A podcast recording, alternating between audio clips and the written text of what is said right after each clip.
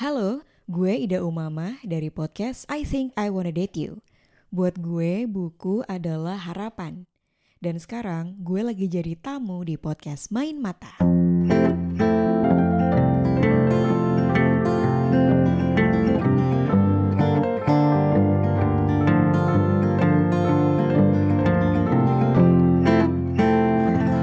Podcast Main Mata adalah podcast buku yang ngebahas banyak hal seputar dunia perbukuan seperti obrolan dengan para pelaku, mulai dari penulis, penerbit, editor, dan lainnya. Juga ada rekomendasi berbagai jenis buku dan tantangan untuk kamu para pembaca buku. Selain podcast Main Mata, di jaringan Potluck Podcast juga ada podcast-podcast lain yang ngebahas tentang film, buku, seni, dan lain sebagainya.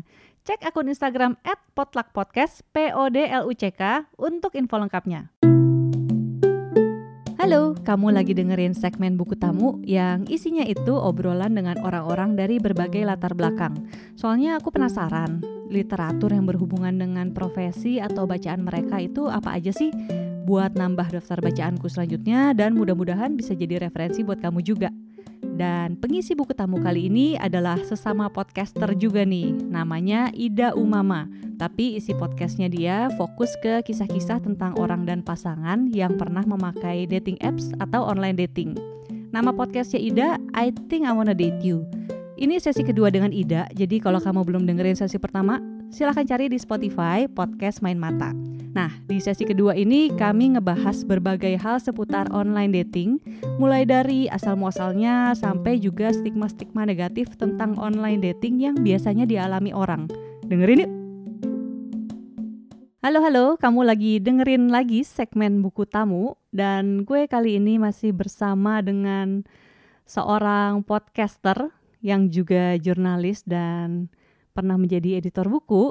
Ada Ida Umama, dia punya podcast yang isinya itu fokus dengan kisah percintaan di era modern alias orang-orang yang menemukan pasangan atau mencari pasangan atau mencari teman lewat dating apps. Ada. Halo Ida. Halo Peti. Hai. Hai. Apa kabar lagi? Hai, masih baik alhamdulillah. Kamu gimana? Baik, Oke, dah. Masih di rumah kan ya ini ya? Oh, masih, masih kebetulan sih di rumah masing-masing. Iya. Oke, ini gue masih pengen ngomongin tentang online dating nih. Lo kan Mm-mm. punya podcast yang memang fokus membahas tentang kisah percintaan dari orang-orang yang menemukan pasangannya atau ya mencari teman juga bisa itu lewat dating apps, Iya betul. ya kan? Nah, sebelum dating apps masuk ke sini itu kan pasti dia dipopulerkan di luar ya. Gue pengen tahu deh kalau dari hasil riset lo Mm-mm. ini memang awal mulanya dating apps masuk ke Indonesia tuh gimana sih? Oke, jadi kalau misalnya ngomongin awal mula dating apps di Indonesia, kita bisa tarik awalnya harus ada peran biro jodoh konvensional atau dating agency. Hmm. Nah, dating agency itu di Indonesia udah sejak tahun 1950-an dan 60-an udah ada. Oke. Hmm, Itu dengan berarti mereka ada jodoh. kantornya gitu ya? Iya betul, ada kantor fisiknya. Oke. Terus? Ada kantor fisiknya. Nah, setelah itu beberapa media cetak, khususnya majalah dan koran, langsung mengadakan atau apa ya, memberlakukan rubrik biro jodoh. Dari situ muncul ya udah kontak-kontak jodoh yang bisa digunakan untuk mencari jodoh selain dari lingkaran pertemanan kita sendiri. Nah, itu udah ada sampai tahun sekitar 2000-an. Bahkan sampai sekarang biro jodoh konvensional juga masih ada sih. Hmm. Nah, munculnya dating app atau online dating ini kalau di Indonesia salah satu faktornya juga terkait orang-orang yang homofobik.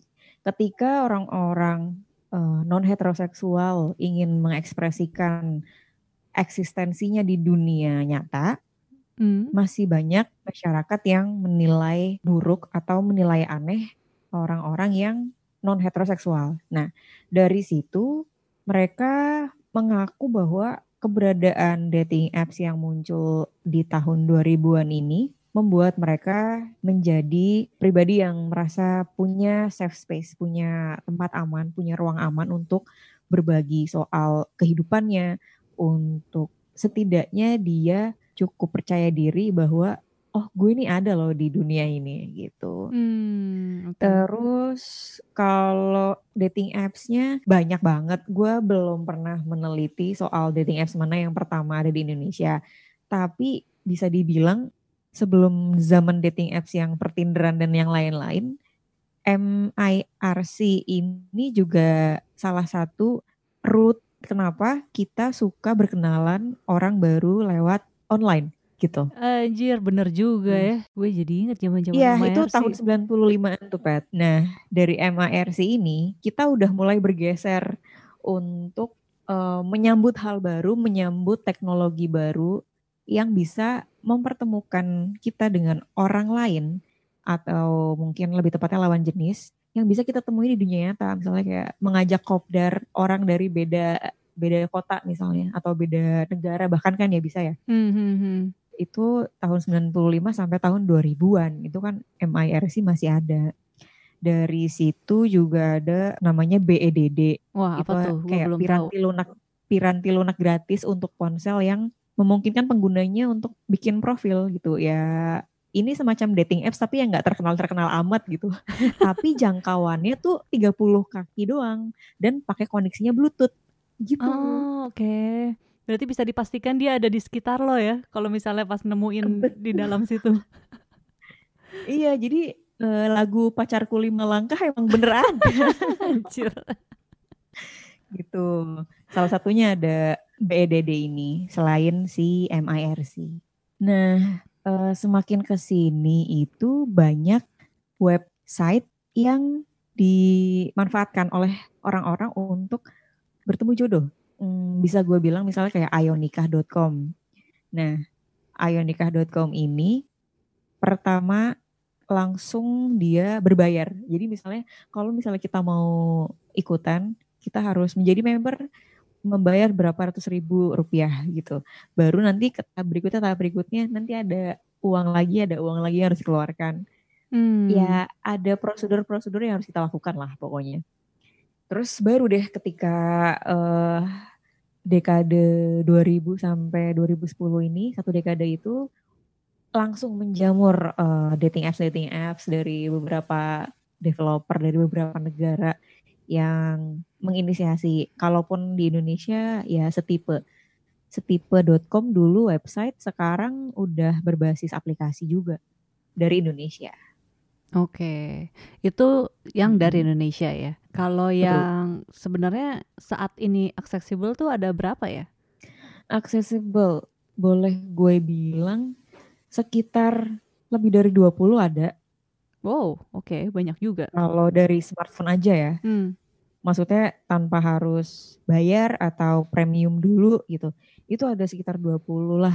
Banyak juga. Ada apa aja Misalnya tuh? kayak Yang pernah lo cobain deh. ada body. yang pernah gue cobain. Ketahuan banget nih anaknya, anak dating apps. Yang pernah gue coba tentunya setipe yang dari Indonesia. Lalu ada juga Tinder, dating apps seluruh umat Iya, di dunia itu ini. yang paling populer kayaknya.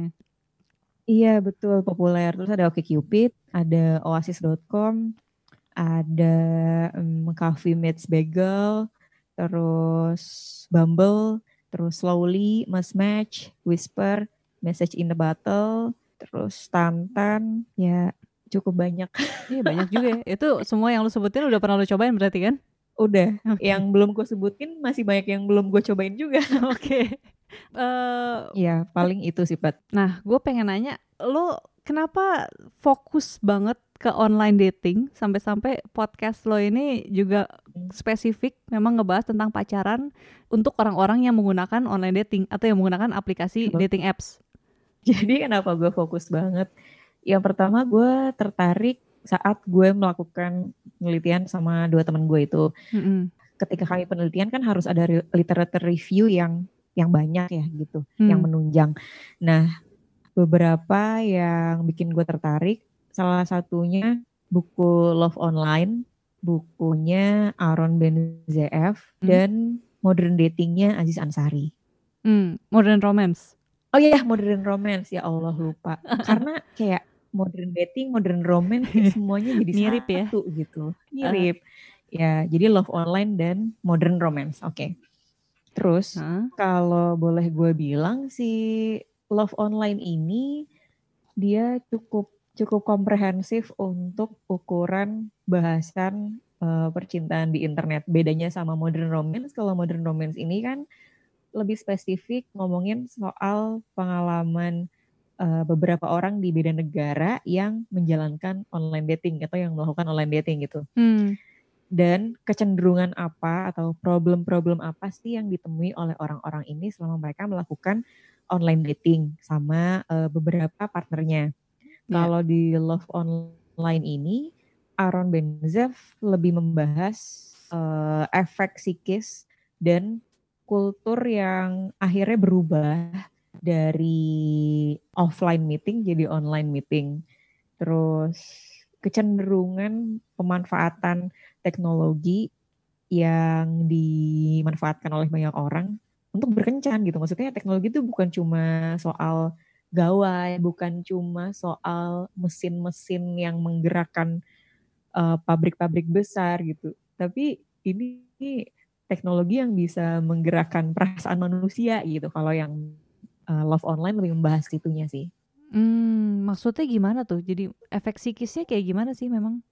Nah, efek psikisnya ini salah satunya ada beberapa persoalan persoalan diri soal misalnya body issue bahkan body issue itu tidak hanya terjadi di uh, teman-teman heteroseksual tapi juga non heteroseksual misalnya di gay dating apps atau mm. uh, lesbian dating apps, queer dating apps. Nah, ada hal-hal yang mereka rasa apa ya masih diskriminatif bahkan di sesama gay, sama lesbian gitu. Kalau misalnya di heteroseksual kebanyakan kalau perempuan kan mungkin ya samalah uh, selama kita belum bisa memenuhi standar kecantikan konsep Asia ini, wanita Asia yang putih tinggi langsing ini, yeah. ya kita akan terus insecure gitu kan. Nah, kalau yang di gay atau lesbian atau di non heteroseksual lain, jadi beda-beda banget. Emang isunya udah sangat mengerucut mm-hmm. gitu. Gimana Itu tuh? salah satu yang dibahas di Love Online. Kalau yang di gay dating apps, kebetulan juga kemarin baru ngebahas dengan teman gue Budi hmm. yang pakai beberapa gay dating apps juga. Menurutnya ada orang-orang yang bertubuh besar atau bertubuh gemuk, dia akan cari orang yang bertubuh gemuk juga gitu. Nah kebetulan si Budi ini tuh kurus kan, skinny. Dia setiap mau ngedate itu, setiap mau ketemu matchnya, dia akan bilang dulu, btw gue tuh kurus ya, gitu loh. Harus harus sampai segitunya dulu. Oh gitu ya, Untuk, kenapa ya? Nah, itu dia maksudnya itu uh, isu yang gue juga tidak tidak begitu paham karena maksudnya gue bukan pelakunya gitu kan, gue hanya mendengar. Hmm. Uh, dan ternyata mereka punya preferensi yang cukup ketat.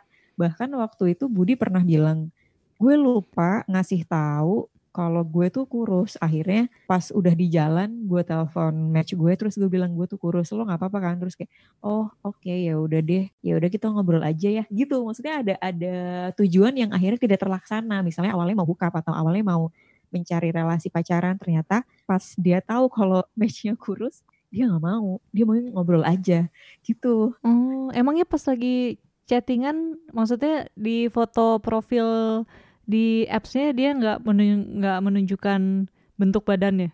Hmm, beberapa di dating apps itu profil mereka kadang faceless atau setengah atau uh, bodinya doang tanpa kepala. Biasanya oh, gitu. Oke. Okay. Tidak menunjukkan seluruh identitasnya seperti halnya teman-teman heteroseksual. That's why kalau misalnya pas mau ketemu harus ada penjelasan tambahannya. Oh, oke oke oke oke. Kalau masalah yang umum dari uh, orang-orang yang heteroseksual ini apa? Selain ya mungkin body issues, ya mungkin tadi ya standar kecantikan yang pada umumnya gitu. Ada yang lain nggak? Yang lain yang sangat umum adalah orang-orang yang menggunakan dating apps ini cenderung dicap orang yang tidak mampu mencari pasangan di real life yang mana berarti dia nggak cukup percaya diri gitu atau dia tidak mampu menjalin komunikasi secara baik layaknya orang-orang yang bisa menemukan pasangan di dunia nyata gitu. Biasanya dicap begitu. Nah, stigma-stigma itu yang akhirnya membuat user online dating jadinya malu. Kenapa jadi malu ya? Ya karena itu kita dinilai nggak mampu kayak kok lo bisa sih pakai dating apps emang temen-temen lo di dunia nyata nggak cukup atau memang lo nggak sanggup untuk menjalin komunikasi dengan baik dengan lawan jenis gitu. Di situ yang akhirnya membuat insecurity orang-orang jadi tumbuh lagi ketika hmm. temannya tahu atau orang-orang di sekitarnya tahu bahwa dia pakai dating apps. Paling umum itu sih. Nah, kalau berdasarkan pengalaman lo sendiri mewawancarai orang-orang yang menggunakan dating apps, apakah mereka juga mengalami stigma seperti itu? Oke, kalau misalnya orang-orang yang pernah gue temui dan gue wawancara di podcast, kebanyakan udah cukup santai. Udah cukup santai dan teman-temannya tahu bahkan ada yang orang tuanya tahu dan support bahkan. Gak aneh sih misalnya kayak, juga tuh. mah aku hari ini mau ketemu match yang ini, oh oke. Okay. Terus gitu kayak, wow. Kreatif sekali. Iya, hebat juga ya. Sementara beberapa dari pengguna dating apps ada yang bahkan sampai apa ya disembunyikan atau ya kalau lo mendapatkan pasangan dari dating apps terus nanti jadi menikah dan ada prosesi pengenalan ke keluarga mereka berdua akan berusaha untuk kita white lie yuk gitu maksudnya kita ngomongnya kita ketemu dari mana kek misalnya ditemuin temennya atau ketemu di tempat mana gitu bukan dari online dating gitu. Okay. Beberapa ada yang begitu, tapi kebanyakan memang udah lebih santai, udah lebih santai sih. Kalau dari lo sendiri gimana tentang si orang kan menganggap ada lah ya sebagian mungkin orang yang menganggap sih kalau yang ketemu pasangan lewat dating apps itu atau online dating mm -hmm. ya ya itu tadi anggapannya seperti itu. Apakah itu juga yang hmm, membuat bahwa, lo oh, ya okay. bahwa itu bahwa kayak lo nggak bisa orang-orang cari ini ya. pacar ya. di kehidupan nyata. Iya, kalau menurut gue, uh, gue nggak setuju kalau misalnya orang-orang beranggapan seperti itu dan meskipun awalnya gue juga pernah merasakan, oh kayaknya gue malu deh kalau temen gue tahu, tapi itu nggak nggak lama karena gue cepat menyadari bahwa ini sebetulnya beda medium aja. Ini medium baru yang tidak semua orang cocok ya kita tahu bahwa segala kebaruan tidak semuanya bisa diterima oleh semua orang atau banyak uh, banyak kalangan gitu kan. Hmm. Dan orang-orang yang menggunakan online dating ini sebetulnya juga apa ya bisa dibilang golongan-golongan atau kaum marginal yang punya gerakan sendiri jadinya. Nah, setelah orang-orang ini tadinya dicap yang desperate, putus asa atau tidak mampu menjalin relasi di dunia nyata, ketika uh, dia diakui oleh matchnya, ketika dia mendapatkan banyak match dan bisa ngobrol dengan banyak orang atau lawan jenis yang ia inginkan atau pasangan yang dia inginkan, itu yang akhirnya jadi memupuk energi lagi.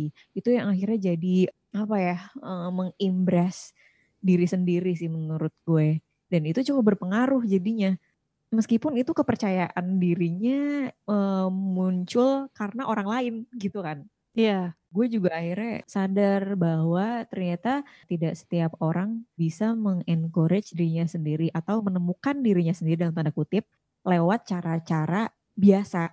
Ini kan sebetulnya cara ini tidak semua orang bisa, tidak semua orang cocok. Nah, kebetulan orang-orang yang menggunakan dating apps ini cocok dengan cara dia mencintai diri sendiri atau katakanlah belajar soal self love, belajar menerima bahwa lo ini ya seperti ini dan tidak ada yang salah dari lo gitu. Terus setelah itu ya udah akhirnya gue selalu ditanya sama teman-teman gue misalnya besok lo ngedate sama siapa atau kemarin lo habis dapet match dari dating apps mana gitu. Ini udah udah udah sangat santai jadinya. Hmm, itu oleh teman-teman lo yang mungkin dia juga nggak nggak pakai dating apps sebenarnya gitu ya. Cuma ya udah jadi obrolan yeah. santai aja gitu.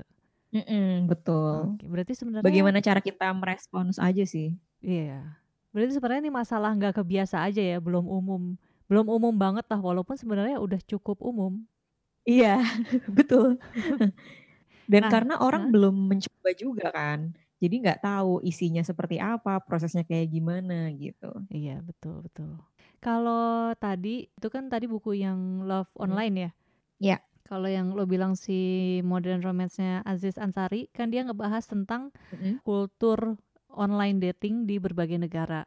Kalau dari bukunya dia sama dari yang pengalaman-pengalaman teman-teman lo dan lo juga di Indonesia, menurut lo ada kesamaan atau ada perbedaannya apa?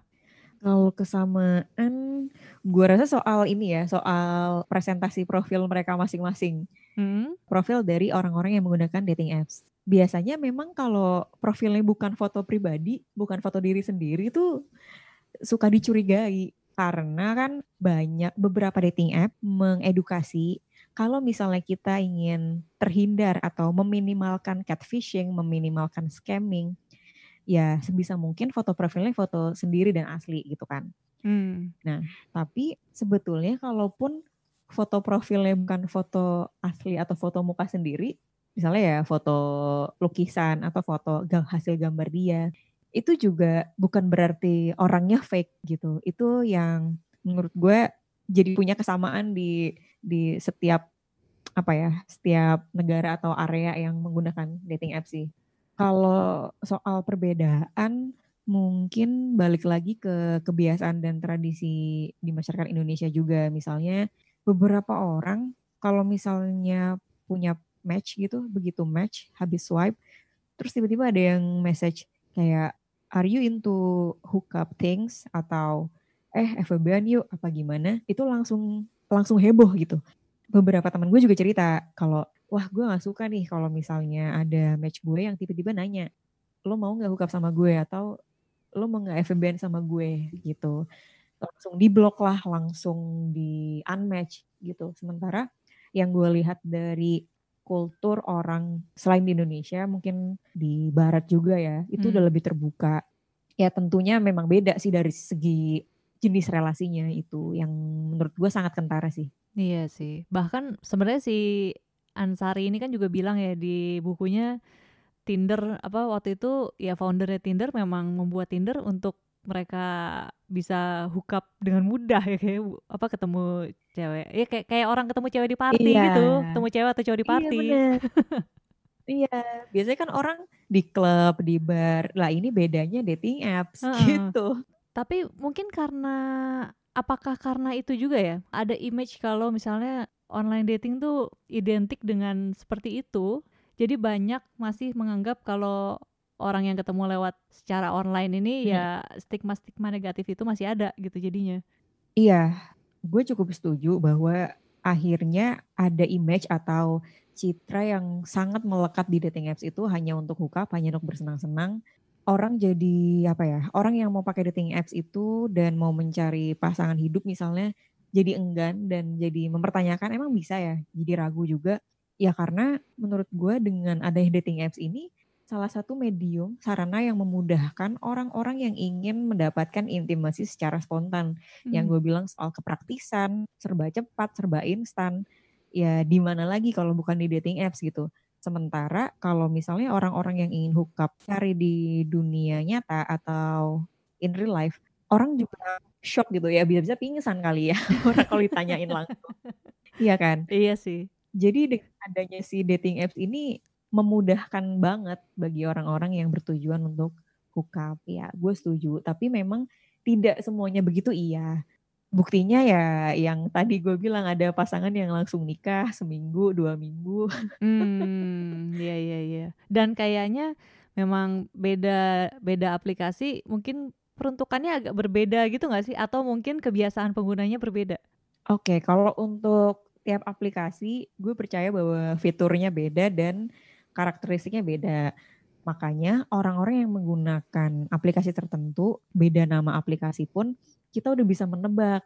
Analisis abal-abal aja lah gitu, maksudnya dari orang-orang sekitar gitu.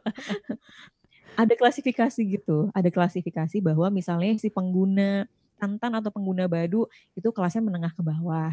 Terus kayak Coffee Meets Bagel atau Bumble itu kelasnya menengah ke atas. Ada juga yang oh kalau yang uh, message in the bottle ini kayaknya orangnya nggak bener semua nih gitu. Ada juga yang begitu. Oke. Kalau yang orangnya benar semua di mana? Iya nggak ada. Oh mungkin kalau orang yang bener semua nggak tahu sih gue. Bisa bisa jadi bukan di dating apps tapi di website-website khusus yang punya label agamis. Uh, hmm. Misalnya kayak christiandating.com atau yang atau ta'aruf online, ta'arufislami.com yang udah punya label-label um, agama tertentu. Menurut gue itu itu bisa dijadikan alternatif kalau memang lo ingin langsung menikah okay. tanpa rasa worry gitu, okay. meminimalkan rasa worry lah. Gitu. Tapi ya lo ngomong tempat dating yang religi ini, gue jadi inget Ansari lagi sebenarnya. Soalnya ada, oh, oh, ada kan nggak tahu lo ingat apa enggak, ada cerita pokoknya ada uh -huh. salah satu respondennya yang cerita soal perselingkuhan nih. Jadi waktu itu dia ada pasangannya, alasannya bilang dia mau Bible study. Terus ternyata dia lagi hook up oh, sama orang dari iya. Bible study. Iya itu. Jadi kayak nggak menjamin guys. Betul. Ini hanya meminimalkan risiko iya. gitu. Tapi balik lagi ke karakter masing-masing ya. Betul. Emang nggak bisa digeneralisasi sih. Iya betul. Nih gue mau pengen tahu juga sih. Kalau di sini ya masalah yang umum dihadapi oleh orang-orang ini si pengguna dating apps apa sih? Masalah yang umum dihadapi, oke biasanya orang-orang ini sering banget komplain atau kecewa soal perilaku match-nya. Yang paling sering itu ghosting. Hmm, uh, apa itu ghosting? Nah, ghosting itu adalah biasanya dilakukan oleh salah satu match yang tidak menghubungi match-nya dalam waktu yang lama sebetulnya banyak pet istilah-istilahnya nggak hmm. cuma ghosting tapi ada caspering ada orbiting ada breadcrumbing wow oke okay.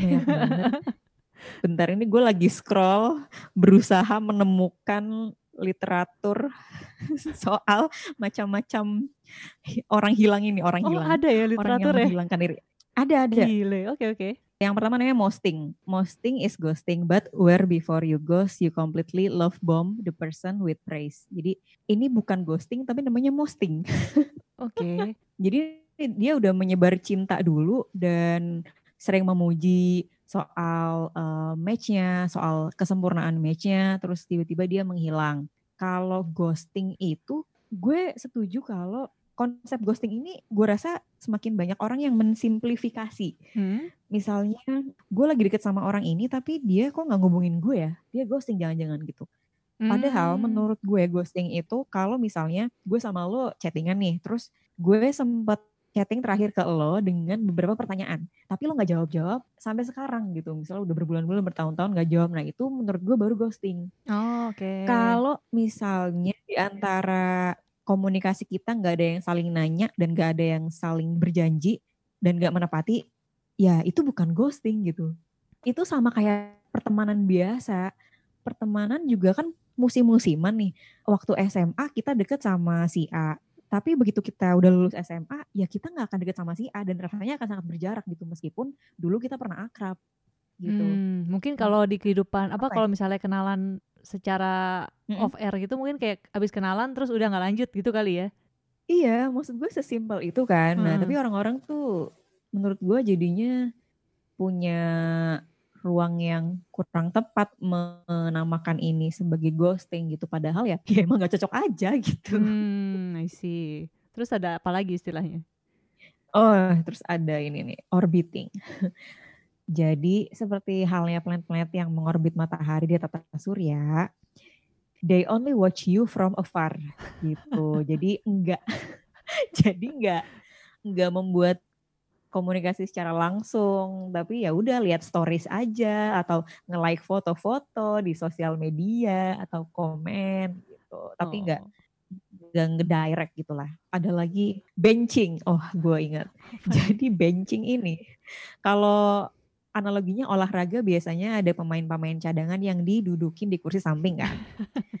Kayak nunggu dipanggil buat main gitu. Nah, hmm. Nah itu kalau misalnya lo lagi dating sama orang yang belum yakin sama lo, masih lihat-lihat yang lain, sampai akhirnya dia memutuskan apakah mau serius sama lo apa enggak gitu. Hmm. Jadi apa ya?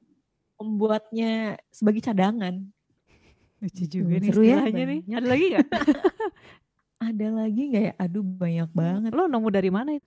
Jadi kalau nggak salah udah pernah baca di Medium, terus artikel di Vice, terus uh, gue juga follow si psikolog klinis dewasa si Ines, Ines Kristanti di Instagram. Hmm. Dia sering banget ngadain diskusi di Instastory-nya soal relationship baik di dunia nyata ataupun di online dating gitu. Jadi gue rasa cukup ilmiah lah. Iya iya iya iya iya. Oke, berarti itu tadi permasalahan yang umum dihadapi ya oleh orang-orang pengguna yeah. dating apps. Terus uh, mungkin selain hmm. yang tadi kan penjelasan tentang jenis-jenis masalahnya tuh, lo ini nggak cari tahu juga nggak misalnya ya kayak gimana caranya untuk meningkatkan supaya mungkin hubungan perkenalannya nih berlanjut menjadi lebih jauh atau mungkin ada nggak sih tips buat profil lo dilihat lebih banyak orang gitu atau biar kencan pertama lo oke okay banget bisa lanjut lagi gitu. membekas gitu, gitu ya. ya. Kalau untuk ngasih tips biar ngobrolnya enak dan hubungan langgeng, gue nggak bisa ngasih tips itu karena gue bukan dating coach. gue takut salah dan takut dihakimi. Jadi sepengalaman gue kalau misalnya pengen profil lo lebih dilihat oleh banyak orang, mungkin lebih menarik gitu bagi orang lain. Hmm? Menurut gue yang harus diingat adalah pasang foto profil se seasli mungkin. Apa adanya, tidak terlalu banyak filter, dan jangan terlalu jauh dari foto asli gitu. Misalnya kan ada yang bulu matanya dikasih lebih rapet, terus pipinya lebih dimerah-merahin. Maksud gue tolonglah ini orang-orang zaman sekarang itu uh, matanya lebih tajam, udah lebih ngerti visual kan. Meskipun gue nggak nggak bisa Photoshop gue nggak bisa Adobe InDesign tapi gue tahu mana yang fake mana yang enggak gitu kan. Hmm. gitu. Jadi harus aware sama hal-hal simple yang bisa membuat lo kurang percaya diri gitu. Nah selain foto profil jangan lupa dikasih bio atau summary profile yang padat jelas sama to the point beberapa orang yang gue temui di dating apps banyak banget yang ngasih cuman simple atau nice guy atau ya good person gitu. Ya, ya terus oh, apa okay. gitu maksud gue kan kita nggak tahu ya yeah, yeah, dia yeah, tuh iya. siapa, dia dari mana gitu. Jadi sebisa mungkin profilnya ya lima kalimat paling enggak lah mendeskripsikan bahwa apa yang lo lakukan di hidup? Atau menurut gue cukup memancing adalah kayak film atau musik yang telah terakhir lo dengar atau uh, band yang terakhir lo tonton konsernya gitu. Atau mungkin uh, makanan yang lo suka gitu.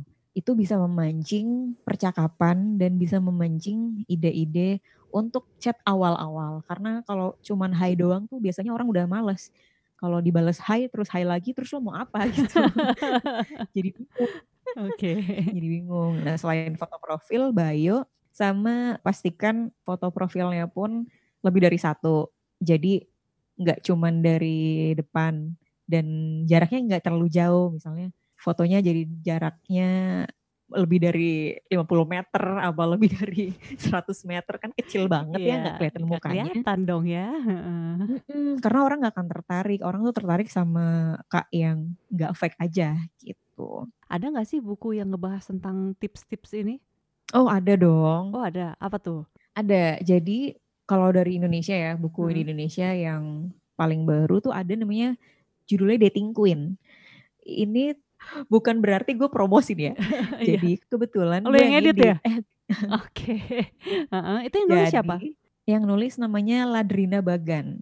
Kayak gue pernah denger Judulnya deh. Dating uh. Queen, terbitan Gagas Media. Buku itu isinya simple dan sangat membantu menurut gue bagi orang-orang yang ingin memulai mencoba online dating atau mencoba dating apps. Mudah dipahami dan apa ya, ada step-step yang menurut gue bisa jadi teman cerita gitu loh, bukan bukan step-step yang kayak memotivasi lo atau meminta lo untuk melakukan hal-hal apa gitu, enggak, tapi dia juga konsepnya naratif dan enak sih untuk dibaca bagi Ini, pemula. Okay. Dari khususnya. oh berarti untuk orang-orang yang baru mau nih atau yang baru mulai-mulai nyoba.